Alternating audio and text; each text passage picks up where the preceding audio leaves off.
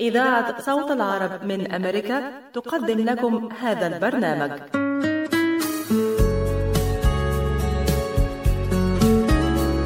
القهوة عالم يجمعنا بناس نشوفها نحبها ومن جوه قلوبنا تفوت. قلوبهم دايما شايلة حكاوي وذكريات. هنشاركها معاهم مع فنجان قهوة. فنجان قهوة لقاء من إعداد وتقديم مروة مقبول. أهلا بمستمعينا في كل مكان واللقاء يتجدد مع فنجان قهوة. معكم نتجول حول العالم ونأتيكم بفقرات ولقاءات نتمنى أن تضفي على يومكم بهجة وسعادة. هذا البرنامج يأتيكم برعاية اجتماع العائلة في الأعياد. حفلة تخرج. يا قلبي وأفراحه وهناك وحفلة عرس.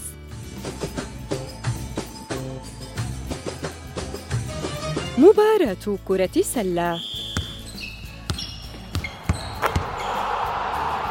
بفضل لقاح كوفيد 19 يمكننا أن نجتمع مرة أخرى ونتشارك اللحظات الجميلة مع أحبابنا دون قلق أو خوف من العدوى. لتظل هذه الاجتماعات عامرة لنحمي أنفسنا وأحبابنا ولنحرص على تلقي أحدث جرعة من اللقاح. لمعلومات أكثر عن اللقاح تفضلوا بزيارة موقع michigan.gov covid vaccine. رسالة من وزارة الصحة والخدمات الإنسانية في ميتشيغان مرحبا سعيد. أهلا علا. ليش هالمقابلة الفاترة هي؟ بيقول المثل لاقيني ولا تغديني. يمه زعلتي. شنو رأيك إذا لقيتك وأيضا غديتك بأحسن مطاعم ميشيغان مطعم عشتار والله فكرة. أفضل الأطباق والمقبلات العربية والعراقية وأحلى ملقا ولا تنسين اللحوم الطازجة مباشرة من ملحمة عشتار لزباين عشتار. وملحمة عشتار توفر اختيارات متنوعة من كافة أنواع اللحوم وبأسعار متميزة وجودة أيضا مميزة. ملحمة عشتار تقع على 36865 Ryan Road في مدينة ستيرلينغ هايت وأكيد أحلى لمة. وأطيب لقمة في مطعم عشتار اللي عنوانه 3625 Mile Road في مدينة ستيرلينغ هايت هاتف 586-698-2585 586-698-2585 يلا علا. يلا عشتار للجودة وكرم الضيافة عنوان. مطعم عشتار.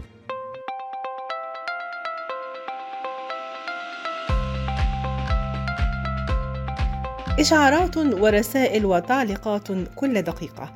أنت محاصر داخل عالم أصغر. هذا هو حال مستخدمي السوشيال ميديا. فهل جربت يوما الابتعاد عن مواقع التواصل الاجتماعي لأسبوع؟ كشفت دراسة جديدة أجرتها جامعة باث البريطانية عن الآثار التي تعود على الإنسان من حصوله على إجازة لمدة أسبوع واحد من مواقع وتطبيقات التواصل الاجتماعي وأكدت أن الأشخاص الذين أخذوا استراحة من منصات مثل تيك توك وتويتر وإنستغرام وفيسبوك لسبعة أيام أفادوا بزيادة شعورهم بالرفاهية. كما وجدت الدراسة أن ذلك يعزز من الاستقرار النفسي ويصل به إلى نقطة اتزان في حياته ويخلصه من العديد من الصفات السيئة وعلى رأسها الحقد والحسد كما أنه من الممكن أن يقلل من القلق والاكتئاب. لازلنا معكم مستمعينا وجولة حول العالم مع الأخبار الطريفة. المحطة التالية من الولايات المتحدة وتحديدا في مدينة سياتل بولاية واشنطن حيث لجأ الزوجان أنجلين وريتشارد بيرك إلى العيش متنقلين على متن إحدى السفن السياحية بعدما اكتشف أن الأمر أقل تكلفة من استئجار أو شراء منزل. وقالت أنجلين إن تكلفة العيش اليومي على متن السفينة هو 62 دولار تقريبا مع إمكانية حصولهم على مميزات كثيرة كالعيش بأسلوبها المفضل. وترك الزوجان عملهما ويخططان لبيع منزلهما في سياتل ليستكملا حياتهما في البحار والمحيطات ويتم رحلتهما التي بدأها في 2021 يزور أنجلين وريتشارد بلادا مختلفة طوال الوقت فهما يعشقان السفر كما يوفران الكثير من الأموال التي كان من المتوقع أن ينفقها على قروض الرهن العقاري فاقدين كل مميزات الحياة البحرية الرائعة. وأشارت أنجلين إلى أنها اقتصدت طوال حياتها لتتمكن من تحقيق حلمها في الإبحار الدائم عبر بلدان العالم. وحين يضطران للعيش عدة أيام على اليابسة ريثما يخططان رحلة أخرى يقول الزوجان إنهما يفتقدان البحر جدا. وزار ريتشارد وأنجلين حتى الآن معظم دول العالم منها سنغافورة إيطاليا كندا أيسلندا وجزر البهاما والكثير من الوجهات الأخرى. لكنهما يعتبران سنغافورة أفضل البلدان التي زارها. كشفت دراسة جديدة أجراها باحثون بجامعة أركنسنس الأمريكية عن أن الأشخاص ينظرون إلى أصحاب الوزن الزائد على أنهم أكثر اهتماما بالعلاقات العاطفية طويلة الأمد التي تكلل بالزواج بعكس الأشخاص النحيفين. وكتب الباحثون في دراستهم أن الذين يعانون من زيادة الوزن يحرصون على إنجاب الأطفال عكس أصحاب الجسم الرشيق الذين ينظر إليهم باعتبارهم يهتمون بالعلاقات قصيرة الأمد. واستندت نتائج الدراسة على مجموعة من الذكور والإناث الذين عرض عليهم أجسام تم تصميمها على جهاز الكمبيوتر والتي تحتوي على مستويات عالية أو منخفضة من الدهون والعضلات وبعد مشاهدة كل صورة طلب من المشاركين تقييم ما إذا كانوا يعتقدون أن الشخص سيكون مهتما بعلاقات طويلة الأمد أو قصيرة. وكشفت النتائج عن أن المشاركين صنفوا النساء والرجال ذوي الدهون المرتفعة على أنهم يميلون إلى العلاقات طويلة الأمد أكثر من النساء والرجال الذين يتصفون بالنحافة. كشف مجرم محترف يدعى مارسيلو باريداس من الأرجنتين عن نيته التخلي عن الحياة الإجرامية التي يعيشها وتعويض ضحاياه وذلك بعد الفوز بالجائزة الكبرى في اليانصيب. ولجأ باريدس أكثر من مرة إلى اليانصيب حينما كان يجد نفسه مفلسا بعد أن ينفق أمواله على المقامرة حيث تمكن في إحدى المرات من ربح اليانصيب بعدما اشترى تذكرة في ديسمبر الماضي وربح 850 ألف دولار. وظهر باريدس أمام مركز الشرطة المحلي في بويرتو مادرين ليعلن اعتزاله طرقه الإجرامية وأخبر الأمن أن الفوز بالجائزة سيدفعه إلى الاستقرار وعدم ارتكاب أي جرائم كما تعقب اثنين من ضحاياه وأعاد ضعف الأموال التي سرقها منهم. كما لعب الحظ دورا كبيرا في حياة رجل من كوينبيان نيو ساوث ويلز في استراليا حيث حصل على مبلغ مالي تجاوز 5 مليون دولار وذلك من خلال فوزه في نصيب آز لوتو. والأمر الغريب في قصة هذا الرجل الأسترالي أنه حافظ على لعب الأرقام نفسها لمدة 30 عاما وأكد بأنه لا يعتزم أبدا تغيير عاداته وسيواصل الذهاب إلى العمل. من المعروف عن القطط خطف الطعام عند شعورها بالجوع ولكن الأمر يختلف تماما مع القط تشارلي والذي يعرف بين جيرانه باسم كليبتوكات وذلك لسوء سلوكه وسرقته للجيران حيث اعتاد على سرقة الألعاب البلاستيكية على هيئة ديناصورات وألواح تزلج والنظارات وغيرها من الأغراض الصغيرة. وبسبب هذا القط تقضي أليس بيج مالكته والبالغة من العمر 41 عاما معظم وقتها في محاولة رد الأغراض التي سرقها القط الذي يبلغ من العمر عاما واحدا فقط إلى الجيران. ولجأت إلى حيلة طريفة لتعاقب بها القط وهي وضع لافتة مخصصة له على الحائط في الجزء الأمامي من المنزل ووضعت الأشياء التي سرقها أمامه ودونت على اللافتة عبارة قطنا تشارلي يحب أخذ الأشياء فهل تمتلكون شيئا منها؟ وتعمل ابنة أليس مارثا التي تبلغ من العمر 11 عاما على تعليم القط عدم السرقة لكن دون جدوى وأشار التقرير إلى أن أليس اكتشفت عادة القط السيئة عندما استيقظت من النوم ذات صباح لتجد لعبة على وسادتها.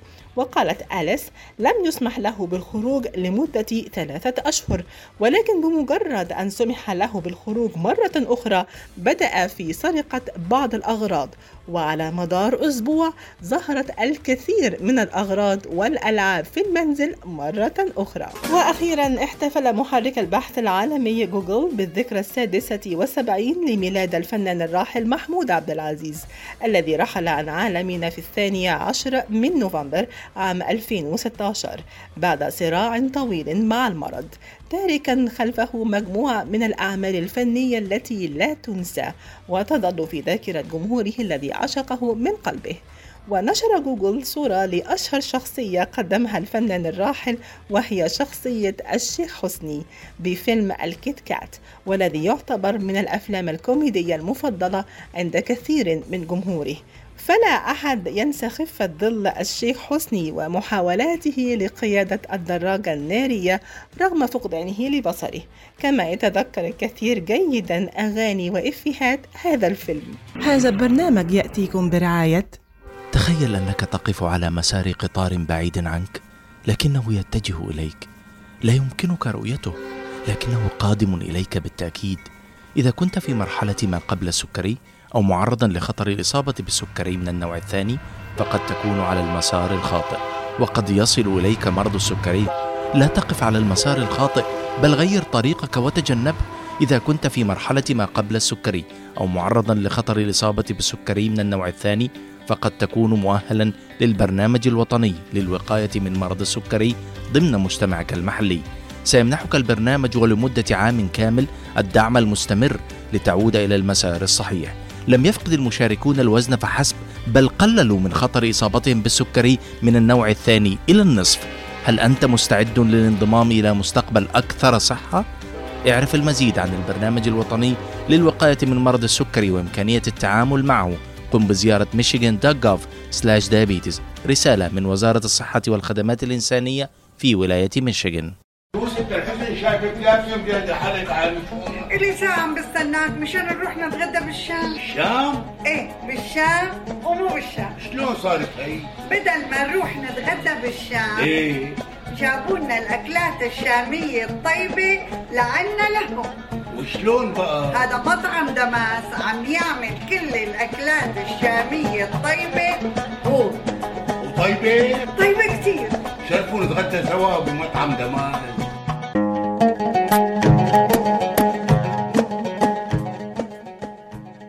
الأكل الشامي الأصيل فقط ب Damas Cuisine. زوروهم على 28841 Orchard Lake بفارمينغتون هيلز. ولطلباتكم اتصلوا على 248 987 4609 That's 248 987 Damas Cuisine and Catering جبنا لكم الشام لعندكم.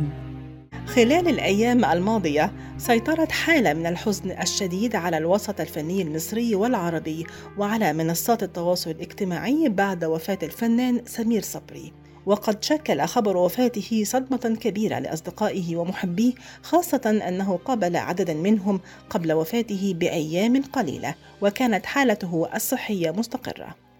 رحل بعد مسيرة حافلة استمرت أكثر من نصف قرن أثرى خلالها المكتبة الفنية العربية بالكثير من الأعمال الناجحة في السينما والتلفزيون والإذاعة والمسرح. في الدقائق التالية نتعرف معكم مستمعينا على أهم محطات سمير صبري الفنية مع بورتري ومروى الحمدي. رحل عن عالمنا في الأيام القليلة الماضية الفنان الكبير سمير صبري الملقب بملك الأفراح عن عمر ناهز 86 عاما بعد صراع مع مرض السرطان. سمير صبري لم يكن مجرد فنان بل كان حالة فنية وإنسانية فريدة من نوعها. عرف بين أقرانه من أهل الفن بأنه الصديق الوفي ونعم السند وقت الأزمات. حجز لنفسه مكانا في قلوب نجوم الفن بسبب مواقفه النبيلة والإنسانية مع زملاء الفن الذين دارت عليهم الأيام وذهب عنهم أضواء المجد والشهرة وهاجمهم الفقر والمرض كما لم يتخلف عن حضور الوداع الأخير لأي فنان.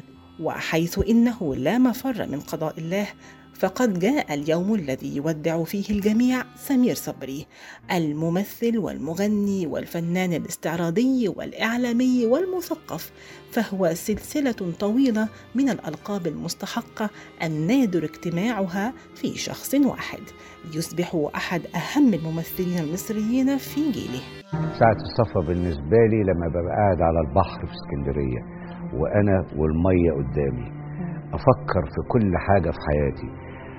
حد زعلته لازم أصالحه. حد أساء إلي أقول أسامحه زي بعضه. آه يعني هي ساعة الصفا بالنسبة لي هي الساعة اللي أنا قاعد فيها في اسكندرية في اسكندرية بالذات وقدامي البحر. صاحب واجب ومش عارف إيه ده أعتقد إن ده ده شيء ده الشيء العادي إن الإنسان يعرف في أصول وفي واجبات ولازم يعملها. سمير صبري من مواليد الإسكندرية عام 1936 وتخرج في كلية فيكتوريا والتي تعتبر من أرقى المدارس آنذاك ثم حصل على شهادته الجامعية من كلية الآداب. أحب الفن منذ الصغر وعاش وسط عائلة تحب الفن وتتذوقه وتحترمه من سينما ومسرح وموسيقى. أم وأب وجد وسبع خالات شكلوا طفولته وصنعوا شخصيته. اصطحبوه إلى دور السينما والمسرح وشجعوه عندما وقف أمامهم يقلد الفنانين يغني ويرقص. انفصل والده عن والدته وهو ابن تسع سنوات ليبدأ مرحلة جديدة من حياته مع أبيه في القاهرة ويسكن في بناية النجوم والعظماء وعمره لا يتجاوز العاشرة.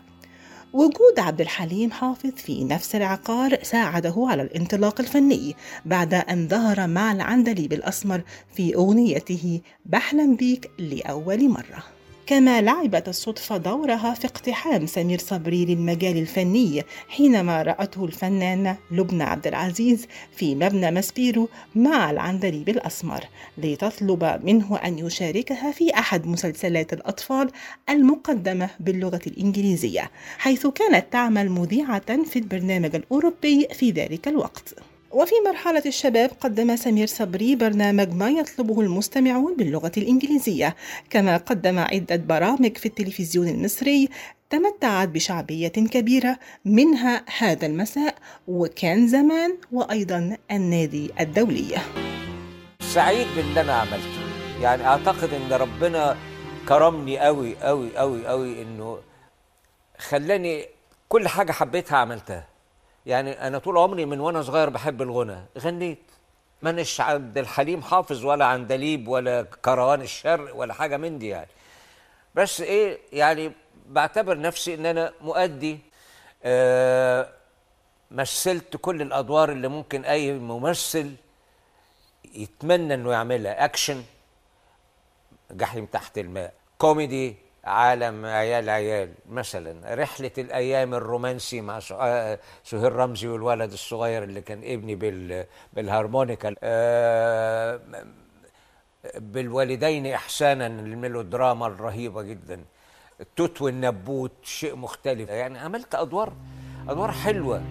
أسس سمير صبري مع رفيق الصبان وحسين كمال ويوسف شاهين نقابة فنية سميت باسم الأحرار المنفتحين. كما أنشأ شركة إنتاج سينمائية وحصل على العديد من الجوائز التقديرية. بدأ سمير صبري رحلته في مجال التمثيل منذ بداية مسيرته الفنية في الستينيات والسبعينيات من القرن الماضي ومثل العديد من أفلامه مع الفنان عادل إمام مثل فيلم البحث عن فضيحة من بطولة ميرفت أمين. بلغ رصيده السينمائي 138 فيلما منها جحيم تحت الماء الجلسة سرية علاقات مشبوهة كما قام بتأسيس شركة إنتاج سينمائية لكنه تفرغ في السنوات الأخيرة للعمل في المسلسلات التلفزيونية منها ملكة في المنفى حضرة المتهم أبي نظرية الجوافة. وكان آخر أعماله التلفزيونية مسلسل فالنتينو مع عادل إمام. وفي أواخر أيامه تحدث سمير صبري عن أزمة مرضه فقال أنفقت كل أموالي على علاجي في عام. وعبر عن سعادته بسبب الاهتمام الكبير الذي حظى به في الفترة الأخيرة بعد صدور قرار بعلاجه على نفقة الدولة. وقال إنه في حالة معنوية جيدة وعالية بسبب هذا التقدير. وفي آخر لقاء له على إحدى القنوات الإذاعية قال: وقعت في مطبات وتحديات ونجحت وفشلت، لكن الفشل علمني النجاح. الوقت عدى وسرقنا زي ما العمر بيسرقنا.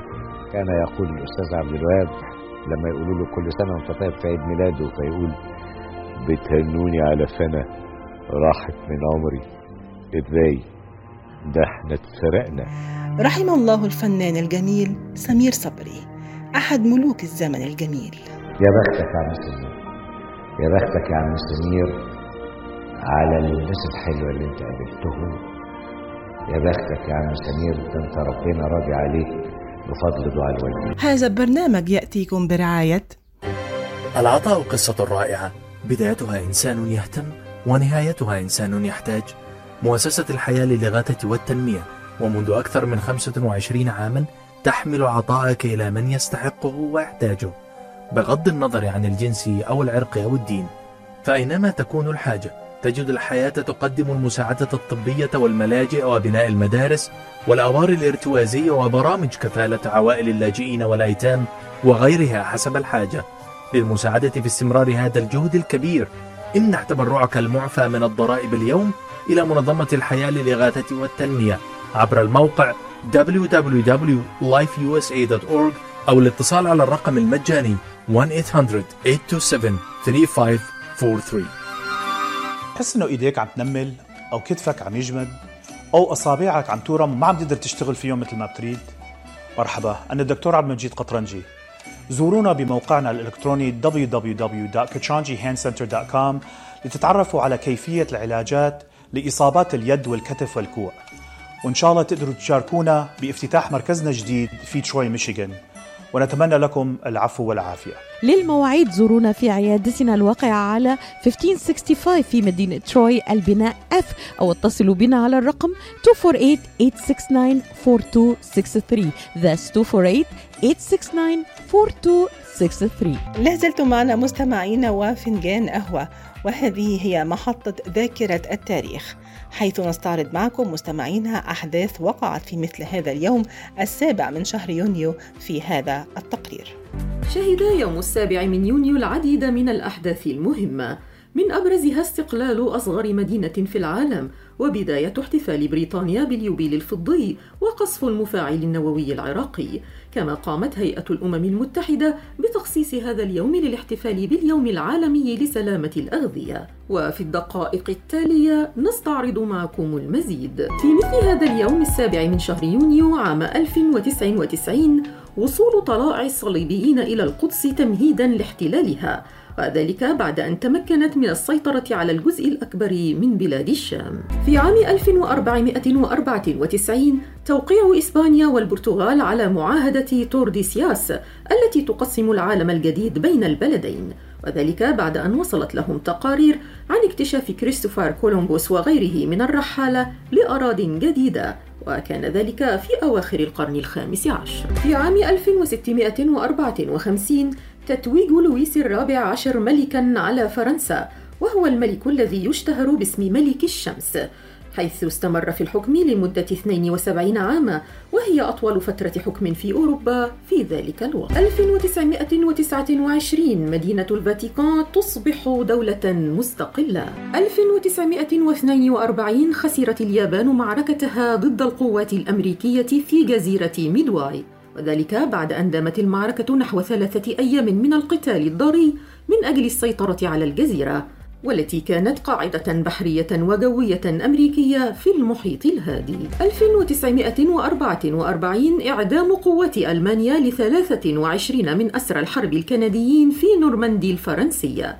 وذلك بعد يوم من إنزال قوة الحلفاء فيها. 1967 احتلال إسرائيل للقدس الشرقية بالكامل. 1977 بداية احتفالات الملكة إليزابيث باليوبيل الفضي وهو مرور 25 عاما على اعتلائها عرش بريطانيا حيث احتشد أكثر من مليون شخص في شوارع العاصمة البريطانية لندن لمشاهدة العائلة المالكة وهي في طريقها إلى كنيسة سان بول. 1981 قيام المقاتلة الإسرائيلية بقصف المفاعل النووي العراقي بالقرب من العاصمة بغداد.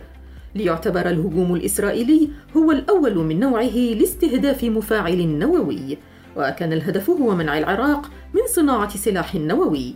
حيث ادعت إسرائيل أن هذا المفاعل مصمم لإنتاج أسلحة نووية لتدميرها.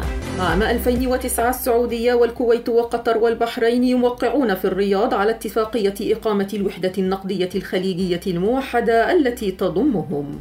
وقد كانت الإمارات قد انسحبت احتجاجا على اختيار الرياض مقرا للبنك المركزي الخليجي.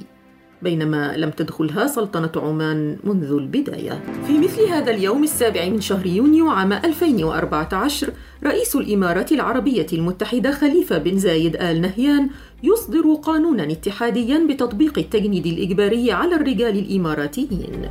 وأخيرا تم الاحتفال باليوم العالمي لسلامة الغذاء لأول مرة في السابع من يونيو عام 2019 وذلك بعد أن اعتمدته الجمعية العامة للأمم المتحدة في العشرين من ديسمبر عام 2018 فسلامة الأغذية تنقذ الأرواح فهي ليست فقط مكونا حاسما للأمن الغذائي بل هي تلعب أيضا دورا حيويا في الحد من الأمراض التي تنتقل عن طريق الأغذية. ففي كل عام يتعرض 600 مليون شخص للإصابة بالأمراض نتيجة لحوالي 200 نوع مختلف من الميكروبات التي تنتقل عن طريق الأغذية. ويقع عبء الإصابة بهذه الأمراض بشكل كبير على الفقراء والشباب. بالإضافة إلى ذلك فإن الأمراض التي تنتقل عن طريق الأغذية مسؤولة عن 420 ألف حالة وفاة يمكن الوقاية منها كل عام. يعد اليوم العالمي لسلامة الأغذية وسيلة هامة للقيام بما يلي: توعية الناس بالقضايا المتعلقة بسلامة الأغذية، توضيح كيفية الوقاية من الإصابة بالأمراض من خلال سلامة الأغذية، مناقشة المقاربات التعاونية لتحسين سلامة الأغذية عبر القطاعات. الترويج للحلول وطرق تحقيق المزيد في مجال سلامة الأغذية. قدمت لكم هذا التقرير عبير حسين. هذا البرنامج يأتيكم برعاية لتحضري عشاء طيب وسفرة ملكية منقدم لك تشكيلة متنوعة وغنية مربيات كبيس وحمص بطحينة الجودة عالية والمنتجات صحية. الشكل مثل الخيال والريحة شهية. لتطلع سفرتك لوحة فنية زياد لقمة هنية وطعمة أصلية. منتجات زياد من عائلتنا إلى عائلتكم. مركز طب رهاب للعلاج الطبيعي بإدارة الدكتور محمد فرح حسين أخصائي العلاج الطبيعي بخبرة أكثر من 13 عاما. طب رهاب يقدم خدمات العلاج الطبيعي وإعادة التأهيل ويضم مجموعة من أفضل أخصائي التشخيص الدقيق للحالات المرضية مع خبرة عالية في التعامل مع الحالات التي تحتاج إلى إعادة تأهيل وعناية خاصة بعد العمليات والكسور. طب رهاب يستقبل كل الحالات المتعلقة بألم الرقبة، الظهر، المفاصل، شلل الوجه، الانزلاق الغضروفي، عرق النساء، الحوادث وإصابات العمل. خبيرات في المعالجة النسائية لخصوصيات تامة للسيدات. عندما تبحثون عن رعاية متميزة اقصدوا توب ريهاب للعلاج الطبيعي الواقع على 15001 ميشيغان افنيو وللمواعيد اتصلوا على 313 846 0555 That's 846 0555 يعتبر كتاب الأحلام واحدا من أشهر كتب الطبيب والباحث العلمي الشهير وأحد أعلام القرن العشرين الدكتور مصطفى محمود. وقد حقق هذا الكتاب مبيعات ضخمة منذ صدوره وحتى يومنا هذا. في كتاب الأحلام يشرح المؤلف بشكل مبسط ماهية الأحلام وتفسيراتها بداية من تفسيرات فرويد وصولا لتفسيرات كثير من العلماء الآخرين الذين قدموا شرحا أكثر نضجا ولأن الحلم في النهاية حدث شخصي بحت ومكاشفة سرية بين الشخص ونفسه وتفكير ذاتي في أخص خصوصياته. هذا ملخص كتاب الأحلام للمؤلف الدكتور مصطفى محمود. النفس البشرية لا تفقد شيئا من مضمونها فكل إحساس وكل تجربة وكل عاطفة وكل خبرة مهما كانت صغيرة وضئيلة لا تفنى لأنها غير قابلة للاندثار ولكنها تتراكم في العقل الباطن لتعود مرة أخرى للظهور في زلة لسان أو نوبة غضب أو حلم غريب. ويرى بريكسون أننا في الحقيقة لا ننام ولكن حواسنا تسترخي فنظل نرى ونسمع أثناء النوم ولكن مرئياتنا وأحاسيسنا تأتي باهتة أي أن الجسم لا ينام ولكنه يظل مثل المدينة المفتوحة والفرق بين الحلم واليقظة هو درجة الدقة واليقين وأيضا الزمان والمكان. الدائرة المغلقة. نظرية الأحلام عند فرويد هي بعث للرغبات الحرام المدفونة في النفس من أيام الطفولة وهي قضاء للحاجات التي حرمنا منها بحكم الدين والأخلاق والآداب الاجتماعية. كما أنها تحقيق لما لا يمكننا تحقيقه في الواقع وما لا يليق أن نفكر فيه في يقظتنا ونحن بكامل وعينا. وكما هو الأمر في الأحلام يرى فرويد أن الأعراض العصبية هي محاولة للتنفيس عن رغبة مكبوتة وليس شرطا أن تكون نائما ليقوم العقل الباطن بالتنفيس عن رغباته وإنما هو يعمل في اليقظة أيضا. فكل زلة لسان إنما هي تكشف عن رغبة باطنة تحاول إخفاءها. غول اسمه الواقع. النوم قد يكون وسيلة للهروب من الواقع. فهو الدواء الذي يتعاطاه مرضى الأعصاب. ذلك لأن الواقع دائما معقد وثقيل فمن المستحيل إرضاء الجميع في وقت واحد أو تحقيق السعادة للجميع في وقت واحد. فما يسعد شخصا قد يبكي شخصا آخر كما أن الواقع له صفة الاقتحام فهو لا ينتظرنا أن نرحب به أو نرفضه وإنما هو دائما يفرض علينا وجوده. ويعتبر النوم هو السد العالي الذي يرتفع أمام الواقع. والحلم قد يكون انفصالا عن الواقع ولكنه اتصال بعالم آخر فوق الواقع وهو عالم الغيب. والأحلام هي الحكمة التي يبثها فينا عالم الغيب. أن الحلم هو عودة للماضي والطفولة. يرى كارل يونغ أن الحلم إشارة للمستقبل وإلهام من الملأ الأعلى. ويرى إريك فروم أن الحلم هو تفكير شامل للماضي والمستقبل فهو أحيانا يمتاز بالصفاء لأنه يخلو من تشويش الواقع. لذلك تأتي بعض تنبؤاته صادقة فالأحلام تستخدم كل الرموز الممكنة ولا تعتمد على رموز معينة. وأحسن من يفك هذه الرموز هو صاحب الحلم نفسه لأنه هو الذي وضعها. اكتشاف. الحلم ليس هذيانا وإنما هو خبرة العقل الباطن وبصيرته. فأحيانا لا يستطيع الإنسان أن يفسر في يقظته ووعيه ما يبثه عقله الباطن في الحلم. حتى القصص والمسرحيات التي يكتبها كبار الكتاب هي في الحقيقة مثل الأحلام. نتاج لما يدور في العقل الباطن والعقل الباطن ليس مجرد مولد للأحلام. ولكنه أشبه بمحطة توليد كهربائية لكل النشاط البشري في النوم واليقظة وهو القوة الخفية التي تشكل الوعي واللاوعي. الحلم الذي رأيته.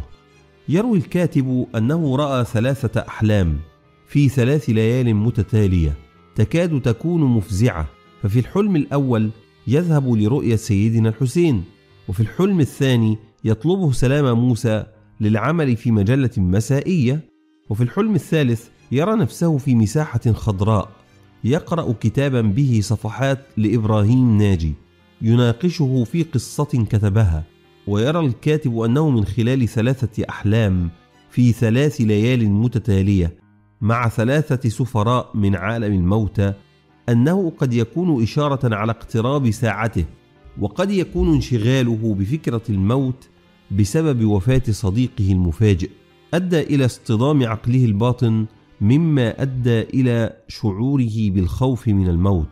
وقد يكون تفسير هذه الأحلام هي الرغبة في الزواج مع خوف باطني شديد من الإقدام على هذه الخطوة وأنها بالنسبة له كالإقدام على الموت.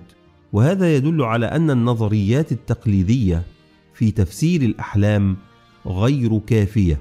لأن الحلم في النهاية هو حادث شخصي وأن صاحب الحلم هو الذي يضع نظريته ورموزه كما أنه هو الذي يمتلك مفتاح هذه الرموز. فلا توجد نظرية عامة لتفسير الأحلام والنظريات الموجودة هي مجرد إرشادات واقتراحات وعلى كل شخص أن يكتشف نظريته في نفسه. حقيقة الحب. الطريق إلى اللذة في الحب هو الاندماج ومعايشة التجربة بخسائرها ومكاسبها. في حين أن رجل العلم قد يضحي بمتعة الشعور في سبيل متعة المعرفة. لذلك هو مستريح على الدوام هادئ الأعصاب.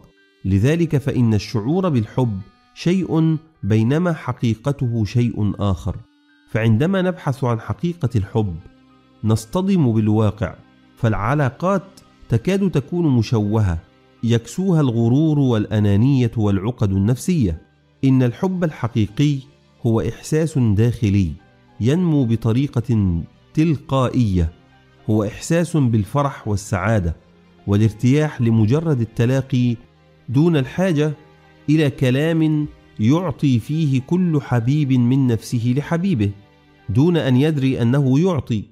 ويأخذ في التضحية دون أن يدري أنه يضحي. يهتم كل منهما بالآخر يحمل همه ويفرح لفرحه وكل منهما لا يطلب شيئا من الآخر. إنه يعطي ولا يطلب ويريد أن يرى حبيبه كما هو لا أكثر. ومع الحبيب لا حاجة للكذب والتمثيل فهو يشعر بالأمان إلى جواره. يكتفي به عن كل الناس وفي الحب الحقيقي الإخلاص لا يتم باتفاق أو تعاقد وإنما يتم من تلقاء نفسه حيث يمتلئ كل منهما بالآخر فلا يجد في نفسه مكانا لحب ثان إنه ينام ويصحو ليكتشف أنه مخلص فهذا هو الحب الصحيح ولكي نحصل عليه يجب أن نتغير ونغسل أنفسنا من سموم ورواسب المجتمع وفي الحب يكون هدف الفتاة هو الزواج بمن تحب وفي نفس الوقت هي تخاف أن تفقد رجلها. الأمر الذي يؤدي بها إلى الكذب والتمثيل. فإذا كان على الفتاة أن تختار بين حب فاشل وزواج فاشل فإن الحب الفاشل أرحم بكثير لأن مغامرة الزواج الفاشل بلا حب لا تستحق حتى مجرد التفكير فيها. فالزواج الفاشل يجر وراءه اسبابا مضاعفة للفشل والتعاسة. أما الحب الفاشل لا يسبب سوى تعب نفسي لا يلبث أن يزول مع الوقت. لذا يعتبر الصدق هو طوق النجاة في هذه المشكلة المعقدة. حتى لو كان الثمن هو فقدان الرجل وفقدان الحب فالصدق بين الحبيبين ضروري لدوام العشرة بعد الزواج. وبغير هذا يظل الحب مجرد أكذوبة. محنة القلق. القلق هو أخطر ما يهدد حريتنا فهو حالة من التوتر تنتابنا حين ننقسم في داخلنا وتتصارع رغباتنا. إنها حالة من القلق تعم المجتمع.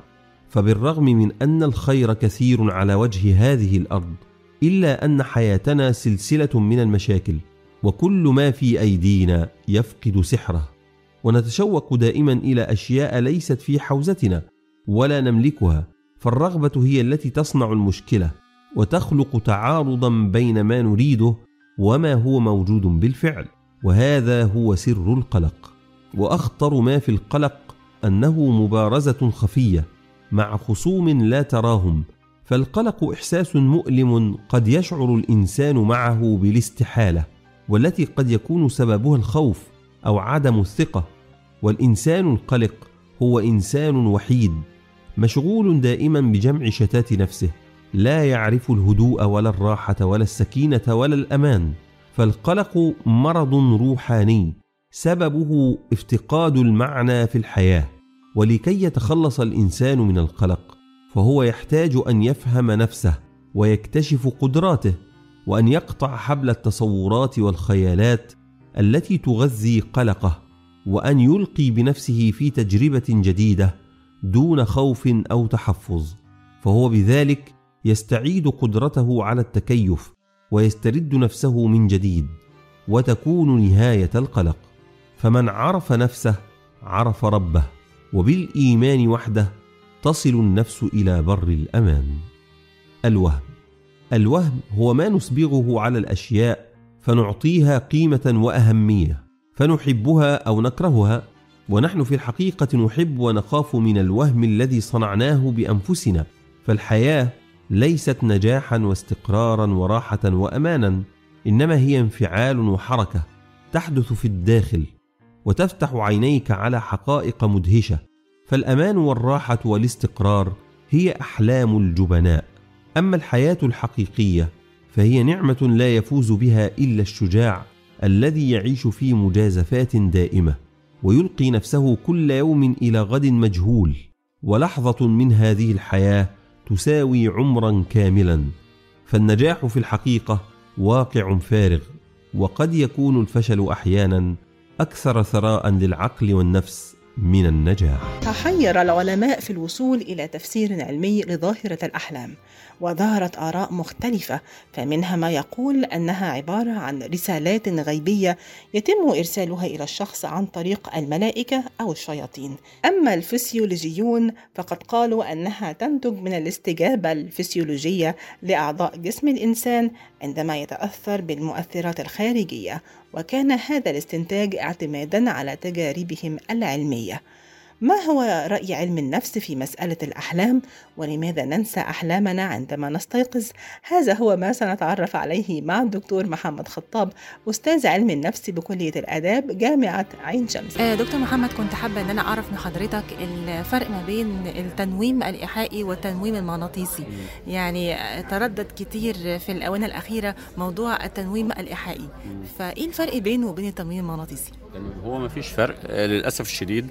وسائل الإعلام أو الميديا أو الأفلام السينمائية آه، صورت هذا بتصوير خاطئ من أفلام هيتشكوك وبعد كده في الأفلام العربية أفلام إسماعيل ياسين أو آه، بشكل أو بآخر. فعشان يوصل الناس بشكل أو بآخر فاستخدموا هذا المصطلح بالعامية. لكن ما فيش تنويم مغناطيسي. هو كل آه، من ابتدع هذا المصطلح التنويم الإيحائي اللي هو سيجموند فرويد رائد ومؤسس التحليل النفسي في العالم قاطبة. خلاص فدي دي شروط آه وليه منهج علمي آه وأكاديمي بشكل صارم. فدي تسمية خاطئة تماما فالتسمية العلمية الصحيحة التنويم الإيحائي. لكن درج بالعامية التنويم المغناطيسي عشان كده المؤتمرات دي من المهم جدا التثقيف السيكولوجي اللي إحنا نصحح المفاهيم أو المغ... المفاهيم المغلوطة ونوصلها للناس بشكل جيد.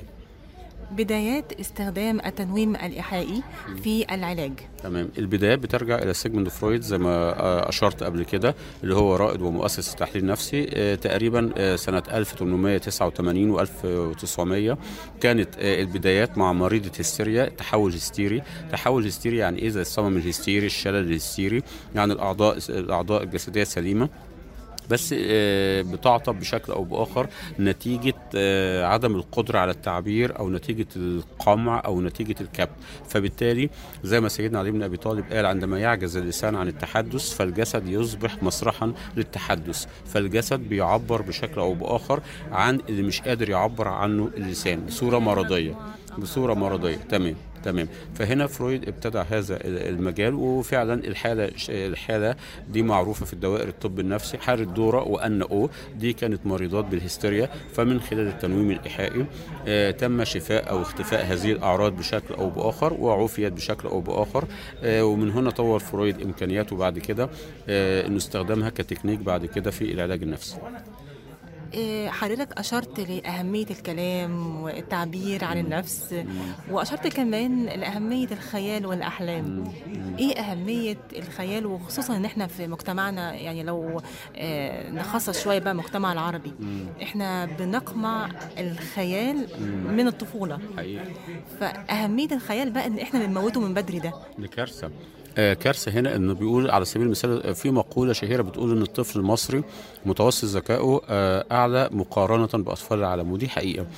زي ما قلنا إن المخ بيتكون من شقين شق أيمن وشق أيسر. الشق الأيمن ده الذكاء الفطري اللي هو الخيال والإبداع وممارسة الأنشطة وتذوق الفن والشعر والموسيقى والجمال أول ما الطفل بيخش كي جي 1 بنقفل هذا الشق ممنوع الاقتراب والتصوير ونبتدي نعتمد على الشق الأيسر اللي هو الذكاء الأكاديمي اللي هو بيعتمد على إجابة واحدة أو نسق التفكير المغلق. لما أجي أقول لك 2 في 2 بيساوي كام؟ 4 خلاص؟ لأن دي إجابة ملهاش سؤال ملوش إلا إجابة واحدة والسؤال ده اتعلمته من خلال المستوى الأكاديمي. لكن لما أقول لك هات هاتي لي كلمة تربط بين الثلاث كلمات فرصة ميدالية شمس. ده التفكير الترابطي. ممكن أقدم لك أكتر من إجابة. فالإجابة الصحيحة اللي هي كلمة ذهبية فرصة ذهبية ميدالية ذهبية شمس ذهبية. أو هاتي لي كلمة تربط بين الأربع كلمات الآتية ليل وشعر وعبد وفحم. أوتوماتيك؟ اللي هو إيه أسود. فبالتالي هنا للأسف الشديد هتلاقي آه الإرهاب أو التطرف بينتشر بين المهندسين وبين الأطباء نتيجة أنهم بيعتمدوا على الشق الأيسر أو أن نسبة الطلاق في المجتمعات العربية عالية جدا بسبب أنهم يغرقوا في في شبر مية. ما عندهمش القدرة على أساليب حل المشكلات.